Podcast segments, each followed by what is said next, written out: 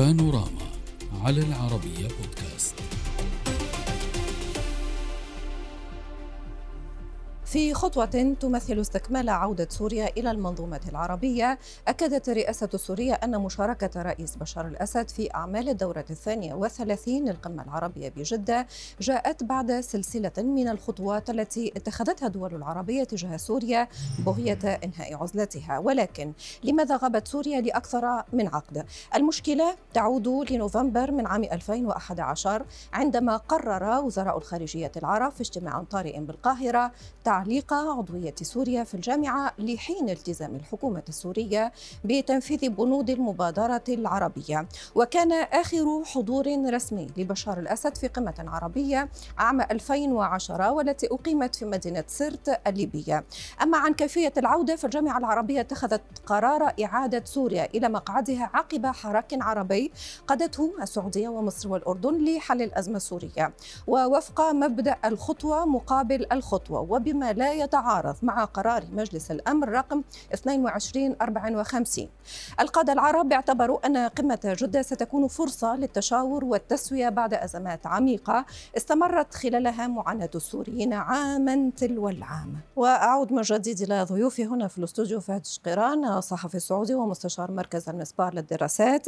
كذلك من القاهرة دكتور محمد مجاهد زيات مستشار المركز المصري للفكر والدراسات الاستراتيجية. من لندن فايز سارة الكاتب والسياسي السوري ومن دمشق عبد الحميد توفيق الكاتب الصحفي. أحييكم من جديد ضيوفي الكرام. أستاذ فايز الحرب في سوريا خلفت واحدة من أسوأ الأزمات الإنسانية وهجرت الملايين في الواقع. عودة سوريا واسترجاع مقعدها في الجامعة العربية إلى أي مدى قادر أن يساعد في حلحلة الوضع من حيث عودة اللاجئين؟ ما الذي يمكن أن يقدمه هذا التطور في خصوص هذا الملف؟ أنا بعتقد إنه هذا هو الشيء الأساسي لموضوع عودة سوريا أو عدم عودتها للعرب لأنه بالأصل العرب ألغوا أو أو منعوا سوريا من الحضور في الجامعة العربية بفعل موقفها كما قال تقريركم بفعل موقفها من المبادره العربية رفض المبادرة العربية. هيك بدأت القصة واستمرت هيك. 12 سنة من المعاناة من من قتل وتشريد وخلافه. أدت إلى ما هو عليه الحال الآن. وهو الداعي الآن لدى القمة العربية نعم. لاعاده سوريا. ليست ليست قصة ليست قصة الزلزال هي السبب ولا قصة الكبتاغون هي السبب ولا الإرهاب هو السبب. لأن هذه الأسباب الثلاثة لدينا في المحيط الإقليمي ما هو أشد خطرا مما هو قائم. يعني مثلا سيطرة حزب الله الميليشيا الإرهابية الشيعية اللي موجودة بلبنان على لبنان وامتداداتها في الإقليم بما في ذلك سوريا هو أخطر من كل الجماعات نشاط الجماعات الإرهابية في المنطقة. أيضا قصة الكبتاغون اليوم ما في ألف قصة كبتاغون جارية. يعني اللاجئين اللي اللي نشروا بالعالم العربي اللي بتعاني منهم مصر ولبنان والأردن والعراق وتركيا. والسعودية حتى وبلدان الخليج. هي هي كمان أنا بعتقد شيء إنساني آه، آه، يفوق. نعم. قضايا المعتقلين قضايا المعتقلين اللي مئات الآلاف ما في ما في كشف عن مصائرهم.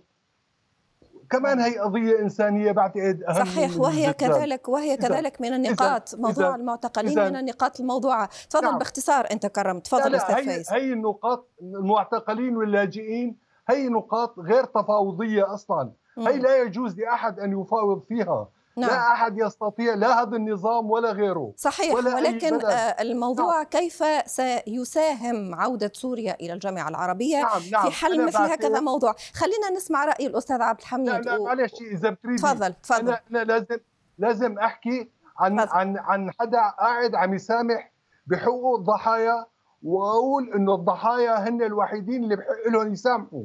وأنا من منطق إنه الضحايا هن اللي بيسامحوا بقول إنه من حقنا كسوريين نشوف حل لقضيتنا أكثر من أي واحد ثاني لكن على أساس إعادة الحقوق لأصحابها أن يطلق سراح المعتقلين اولا أن يعود اللاجئين إلى بيوتهم أن يجري أن يجري أن تجري عملية إعادة بناء أو تسوية سياسية كما نص القرار 22 إعادة إعادة أعمار. صحيح آه، أستاذ فايز ولهذا السبب نحن نحاول تفكيك. صحيح ولأن الموضوع فيه نقاط معقدة للغاية نحاول تفكيك آه، هذا الملف لفهم آه، مختلف النقاط وأولويات والله يا ستي الدول سأعود لك سيد فايز سأعود لك فقط. اسمحني أن نشرك كذلك معنا بقية الضيوف أستاذ عبد الحميد في خصوص عودة اللاجئين هل يمكن أن يمثل عودة سوريا إلى الجامعة العربية منطلقا لحلول حقيقية هذه المرة. يفترض أن يكون ذلك آه، فيما يتعلق بمساله اللاجئين، أنا أفترض أن يكون عوده العلاقة السورية مع العالم العربي وأنا أقول بصراحة أتمنى أن تبقى لا تعمم نقول العرب، أنا أقول بأن الرباعية العربية تمكنت من إنجاز شيء وبالتالي العمل العربي الذي يسمى العمل العربي المشترك على مدار العقود الماضية لم ينتج حلا سياسيا لأي مشكلة داخل البيت العربي. وبالتالي أنا أعتقد بأن تجزيء هذه القضية وإنتاج آه، صبغة جديدة صيغة جديدة للعمل العربي الفعال والفاعل من خلال تشخيص المرض وإعطاء العلاج فيما يتعلق بالرباعية العربية يمكن أن يؤتي ثمارا. أعود إلى مسألة اللاجئين. أنا نعم. افترض ان يكون العلاقة السورية مع العالم العربي وتحديدا مع الرباعية العربية وفق خارطتها؟ يجب أن يكون منطلقا تاسيسيا لهذه العودة الطوعية والآمنة والتي تصون حقوق الجميع. ولكن بالمقابل لا أستطيع أن أقول بأن هذه العودة وانتهى الأمر ان أن نضعها عنوان على على أي أجندة أي عمل، هذه العودة لا يمكن أن أن تكون بقرار ولا يمكن أن تكون بتبويس الشوارب ولا يمكن أن تكون أيضا بعواطف بدون عمل حقيقي يؤسس لأن تقنع هؤلاء اللاجئين أن عودتهم ستكون طيب آه، ولكن أستاذ عبد الحميد اسمح لي صحيح ويجب أن يؤسس لهم بنى طيب تحتية ويجب أن يؤسس لهم أيضا. أي حضرتك تحدثت عن أكثر من نقطة تحدثت عن تأمين عودتهم وهذا من سيتكلف به؟ نعم أنا هذا هو الذي أريد أن أصل إليه أن العمل العربي مع الرباعيه العربية مع الجانب السوري مع الدولة السورية مع الحكومة السورية م. يجب أن يكون هناك بلورة لمواقف تقوم على ثلاثة أسس الاسس الأول هو أن يكون هناك استعداد داخلي في سوريا بمعاونه هذه الرباعية العربية والعرب عموما نعم. لتسهيل عودتهم بقرار سياسي ووطني نعم. الأمر الآخر العامل الأساس الآخر هو أن يكون هناك تحرك من هذه الحاضنة العربية مع دمشق باتجاه الحكومات التي تؤوي هؤلاء اللاجئين. بيروت عمان وأنقرة لأن العملية لا تقف عند دمشق ولا ولا عند عمان ولا عند الكل. هذه مشكلة عامة. والأساس الثالث هو أن تكون هذه العودة قد تم التأسيس لها على بنطاقين. نطاق سياسي وطني بحيث يتأكد ويشعر هذا اللاجئ بأن عودته ستكون فعلا آمنة وتنتهي كل التبعات عليها والامر نعم. الأهم هو أن تكون هناك بنية تحتية وأن يكون هناك إعادة بناء لم... على الأقل يعني آه، ترى أستاذ عبد الحميد ترى حضرتك بانه إعادة الأعمار يجب أن تسبق مثلا مثل هكذا آه، لا لا لا أو لا إعادة بنية تحتية. بالتوازي؟ اسمحي لي. باختصار شديد مم. هذه المسألة تدرس بالتوازي مم. يعني الخطوة الأولى تأتي منها باتجاه اللاجئين فكفكنا عقدة العقدة الأمنية والسياسية لهم نعم. ومن هنا قلنا في هذه المنطقة علينا أن نبدأ لكي نطمئن اللاجئ بأن بنيته التحتية ستكون مرافقة ذلك. هل أستطيع أن مؤمن كذلك. إعادة الإعمار حتى تنتهي إعادة نعم. الإعمار سيعود اللاجئون؟ طيب. هذا وضحت الفكرة. دكتور دكتور مجاهد الزيات ما المقاربة التي يمكن أن تقدمها الجامعة العربية لتسهيل هذا الملف؟ عودة اللاجئين وإعادة الأعمار. آه، الأستاذ عبد الحميد يقول بأنه هذه ملفات يجب أن تبنى بطريقة متوازية. ما رأيك؟ يعني هو في البداية آه، لابد أن يكون هناك قبول من الرئيس السوري والحكومة السورية بأن الرباعية كما قال الأستاذ عبد الحميد وأنا أتفق معه أن تنفرد الرباعية وليس عملا جماعيا مشتركا كبيرا. الرباعية أن يكون هناك قبول بأن ما تقوم به الرباعية ليس تدخلا في الشؤون الداخلية السورية. هذه النقطة الأولى. إذا تم الإقرار بذلك فإن يطرح على مائدة الحديث ما بين الطرفين الرباعية والحكومة السورية القضايا الشائكة التي آه، جرى الحوار بخصوصها قبل العودة قبل قرار العودة وعلى أولوياتها الدافع العامل الإنساني المتعلق بأولا الإفراج عن المعتقلين كبادرة وحسن نية والنقطة الثانية عودة اللاجئين دون مساءلة أمنية. وعندما نتحدث عن عودة اللاجئين هنصبح مضطرين إلى أين يعود اللاجئين السوريين من الخارج؟ هي إلى مناطقهم. المناطق المدمرة لابد أن يكون هناك حديثا واضحا وقبولا دوليا بأن يتم إعمار المناطق المدمرة للاجئين العائدين إلى تلك المناطق. والحديث هنا على المناطق التي تسيطر عليها الحكومة السورية. ولكن هناك قضية أخرى بأن هناك لاجئين من منطقة الشمال نعم. التي يسيطر عليها تركيا والفصائل العسكرية وخصوصا جبهة النصرة التي تقيم حكومة هناك. هل هذه النقطة ستكون مطروحة ومن المسؤول عنها في تلك المنطقة؟ وهناك اللاجئين في لدى الأكراد المنطقة الحكم الذاتي الكردي. هذه قضايا ليس أن يتم الحديث فيها فقط مع الحكومة السورية ولكن سيتم الحديث معها أيضا مع تلك الأطراف المعنية والمنخرطة فيها. نعم. سيد فهد آه، لما نتحدث عن إعادة إعمار ونتحدث عن عودة اللاجئين وتأمينهم وضيوف اتفقوا كما استمعت لهم حضرتك بأنه يجب على هذه الملفات أن يعمل عليها بطريقة متوازية. طيب ما هو سيقول البعض بأنه إعادة اللاجئين أو إعادة آه، الأعمار يجب أن تتم بعد الانتهاء من تأمين المنطقة؟ المنطقة الداخل السوري آه، فيه مجموعات مسلحة. ومجموعات مسلحة تأتمر ليس بأوامر الدولة السورية ولكن لكل مجموعة لديها آه، آه، من تأتمر به. كيف سيتم حل هكذا موضوع معقد؟ أجيب على هذا السؤال بنقطتين ثنتين. النقطة الأولى أن هذه أن الدول العربية لا تستطيع أن تخوض معارك الآخرين وإنما تقدم مبادرات وتؤسس لجلس لطاولات حوار سواء كان هذا في الملف السوري أو بالملف اللبناني أو بالملف الليبي أو في أي ملف كان من ملفات المنطقة المعقدة. ثانيا الدول ذات سيادة من حق أي دولة أن تطبع مع من كان مع أي دولة كانت إذا نعم. كان ذلك يحقق لها مصالحها ويدرع عنها أعباء وكلفات معينة.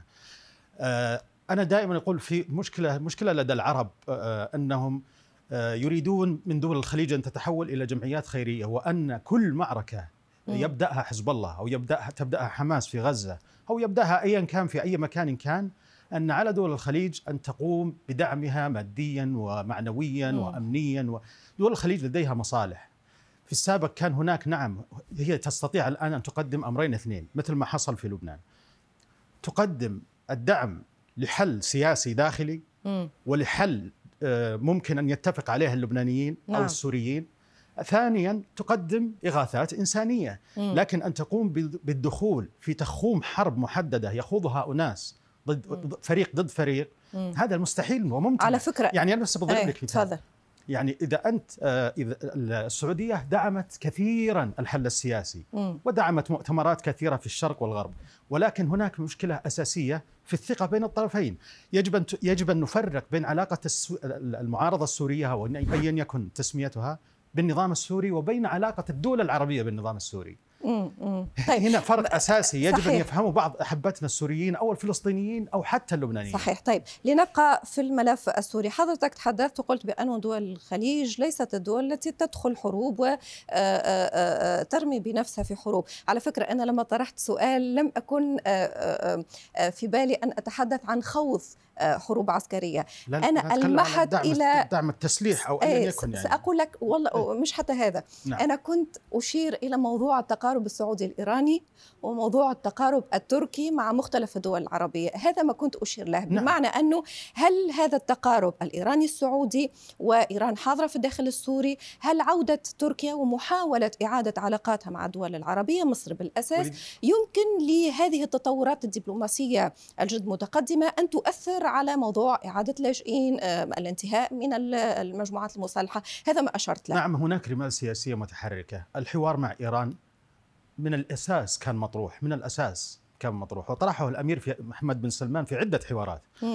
وهي دولة جارة لابد أن تتف... لابد أن تسير خطوة وهي تسير خطوة. وأن تتفقوا على نقاط معينة ممكن أن تخفف من أزمات المنطقة. نعم لن يكون هناك اتفاق بنسبة 100% مع أي دولة سواء سوريا أو إيران يعني من المستحيل أن يكون هناك اتفاق مطلق لكن أن يكون هناك توازن أن تخفف الأعباء على المجتمعات هذه المجتمعات التي تعاني من أزمات اقتصادية سواء المجتمع الإيراني أو نعم. المجتمع السوري أو اللبناني الذي يعيش كارثة.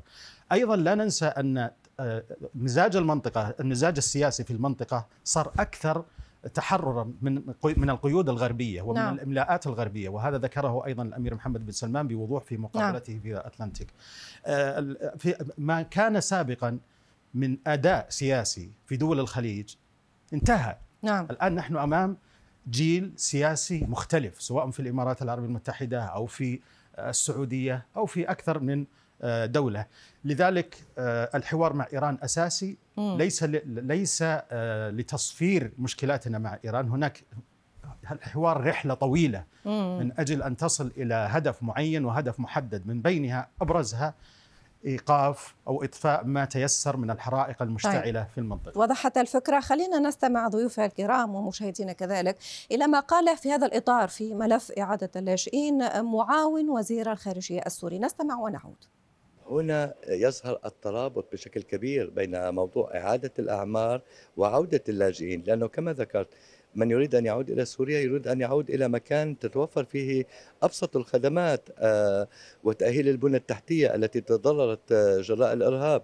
من هنا نقول كيف يمكن أن آه، نقوم بإعادة الأعمار في ظل العقوبات والحصار والإرهاب الاقتصادي الذي تتعرض له سوريا؟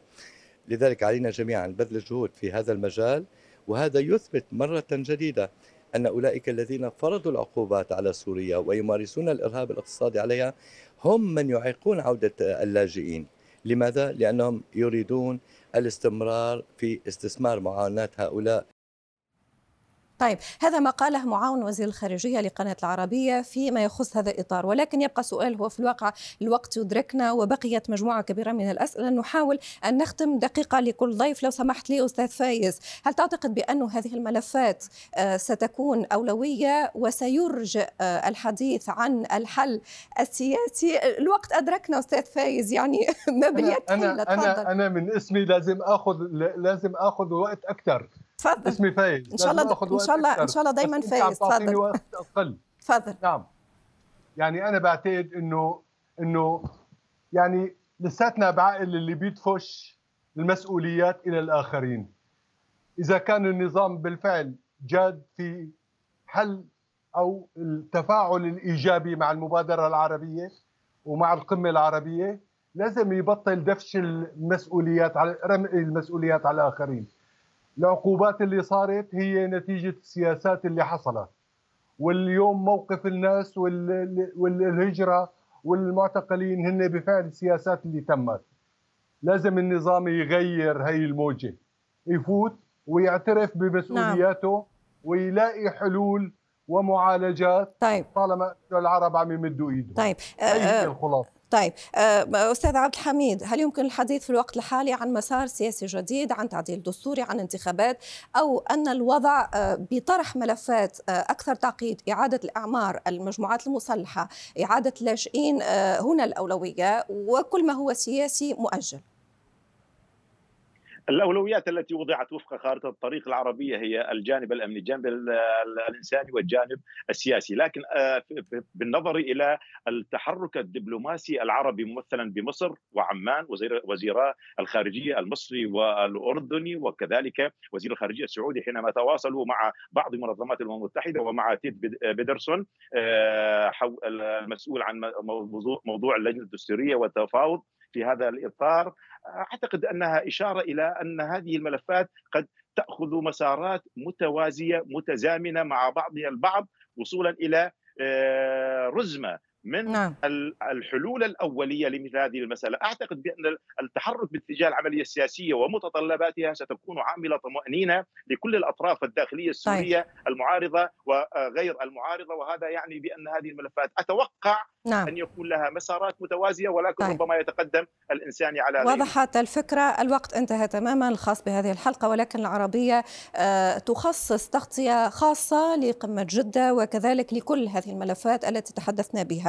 أود شكر ضيوفي الكرام في الاستوديو فهد شقيران الصحفي السعودي ومستشار مركز المسبار للدراسات. شكرا لك. وكذلك الشكر لضيوفي من القاهرة الدكتور محمد مجاهد الزيات مستشار المركز المصري للفكر والدراسات الاستراتيجية من لندن فايز سارة الكاتب والسياسي السوري ومن دمشق عبد الحميد توفيق الكاتب الصحفي. شكرا جزيلا آه، لكم وعلى متابعتكم. طبعا العربية ستخصص تغطية لقمة جدة لعودة مقعد سوريا لجميع الدول العربية. ابقوا دائما في متابعتنا. السلام عليكم.